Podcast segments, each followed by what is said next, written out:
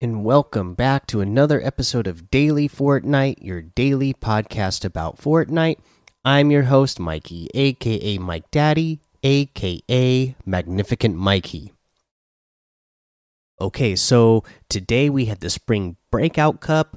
Uh, you know, it was a duos event. Hopefully, everybody out there got a chance to compete in that. That way, you can have a, a chance to get that uh, new uh, Webster uh, outfit early, uh, and it will, you know, go good with the pickaxe that we can unlock during spring breakout. I didn't get a chance of playing it, uh, but like I said, hopefully you guys got a chance, and I hope that you uh, did well. You know, other than that, uh, I don't really have a lot of news uh, going on today. It didn't seem like there was uh, any big news uh, going on in the in Fortnite in game itself. So I guess we can just go ahead and uh, move on to uh, well, first, you know what? Let's go ahead and take a look at what the LTM's are. They they have quite a bit of uh, new LTM's in the game right now, or not new, but they uh, added some more in. Classic loot duos is here. Uh, Fog of War squads. Uh, go go to slow mode enabled. Uh, community creation, advanced red versus blue, and survival simulator. And Team Rumble is here, of course, as well. Uh, let's see here. Uh, the next thing up on this will be a challenge list. And speaking of, you know, the spring breakout, uh, like I said, we can get Webster, and you know, you want to forage bouncy eggs hidden around the island, uh, because, uh, not only is it going to get you experience points, but the first time you complete this, because it goes like 10, 20, uh 30 40 50 uh you can keep collecting it collecting them to get more. But the first 10 you get, you're going to get the 35,000 XP, but you're also going to get uh, the pickaxe. So uh, you're going to want to know where to get the uh, the uh, bouncy eggs. So where where you want to go uh, is the Primal Pond. So if you go to Primal Pond, west of Primal Pond, up uh, uh, on the hill, that is where the NPC Cluck is. And around this area, uh, you will find some of the bouncy eggs. Also, west of Weeping Woods, uh, just a little bit west of the Spire, you'll find some eggs uh, a little bit west of the Spire. That's at Weeping Woods.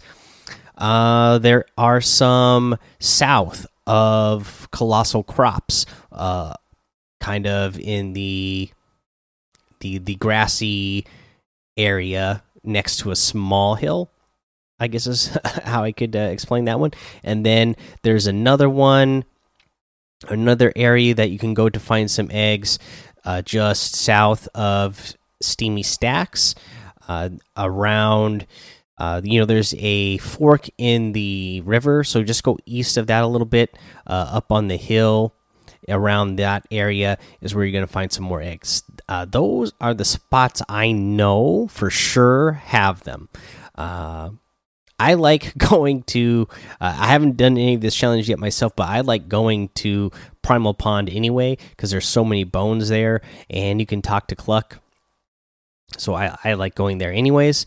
Uh, and uh, most people I see uh, looking to get this challenge done online, like different YouTube videos I've watched and stuff, showing people showing where uh, eggs are. I've I've seen a lot of people skip this spot uh, and not realize that there's eggs there even. So, uh, you know th that might be a good spot to go. Maybe that you'll run into less people because you do need to be the first person to pick them up. From what I understand, like you can't if if somebody else picks picks them up first and then you eliminate them. You can't just go pick it up and then uh, have it count. Uh, from what I understand, I can't verify it because I don't. I haven't done the challenge yet myself. But uh, from what I've heard, uh, that is uh, that is the case. That uh, if somebody instead of consuming them, if they just gather them and then you eliminate them, it won't count towards you uh, foraging them if you uh, are just picking it up after a player who's already picked it up. Uh, let's see here. that's the challenge. So let's go ahead and head on over to the item shop and see what's in the item shop today. Um, we got some good ones, and uh, if you're watching it on YouTube, you've already saw a little uh, preview of one of the items that we have added in. Uh, Snake Eyes is still here. The Stonks guy is still here. Diamond Hanz. Uh, the uh, spring breakout items are still here, of course. And then we have uh, the moniker outfit uh, back in the item shop for 1,200. I've always liked this guy. The business hips emote for 500. The optimistic wrap for 500. The brawler outfit for 1,200. This is one I've always really loved as well.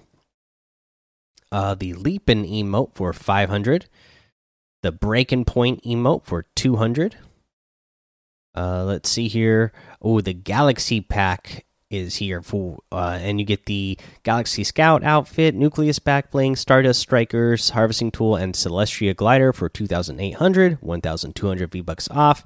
If you were to get them separately galaxy scout with the nucleus back bling is 2000 the stardust strikers harvesting tool is 1200 the Celestia Glider is 800, and the Star Scout Wrap is 500. Uh, let's see here. And then the one that I talked about the teaser before, or what I showed at the beginning uh, of the YouTube video, is the Leave the Door Open emote. Music by Bruno Mars and Anderson .Paak. .Paak as Silks as Silk Sonic. Dance moves by Bruno Mars. Uh, and uh, I don't know if you're you guys out there are big Bruno's Mars fans like me, but uh, yeah, you know Bruno Mars and Anderson .Paak uh, just recently uh, formed their little collab together, uh, Silk Sonic, and uh, released uh, an album. Definitely go check that out. And you know, if you if you like it, which I would be surprised if you didn't, you, you, I'm sure you'll be a fan of this emo and the dance moves. Uh, this is 500 V bucks, so check that out. Uh, you have the Nitehare outfit with the floppy back bling for 1,200. Uh, I've always really liked this guy because he is so creepy. I used to wear this one a lot as well. Like I used to wear this all the time just because I liked how creepy he is. Uh, this 1,500. The steel carrot harvesting tool is 800. This is what I'm currently rocking uh, with the uh, what's the name of the character I'm wearing right now? Can't even remember. Uh, Dutch, the new the new bunny suit character. Uh, we have the pastel outfit for 800 V bucks. Uh, you have the Metal Mask bundle, which has Zadie outfit, Metal Mouth outfit, the Spiked Maze harvesting tool, and then Zadie challenges and Metal Mouth challenges for some additional styles. That's 2,400 for the bundle, 800 V bucks off the total if you were to get them separately. And if you did, the Zadie with the challenges is 1,200, and Metal Mouth with the uh, challenges is 1,200.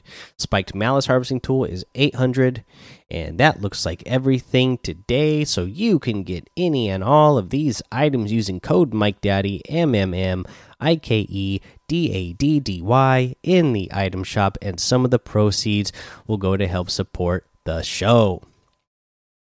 Okay, let's see here. Uh, thinking about it.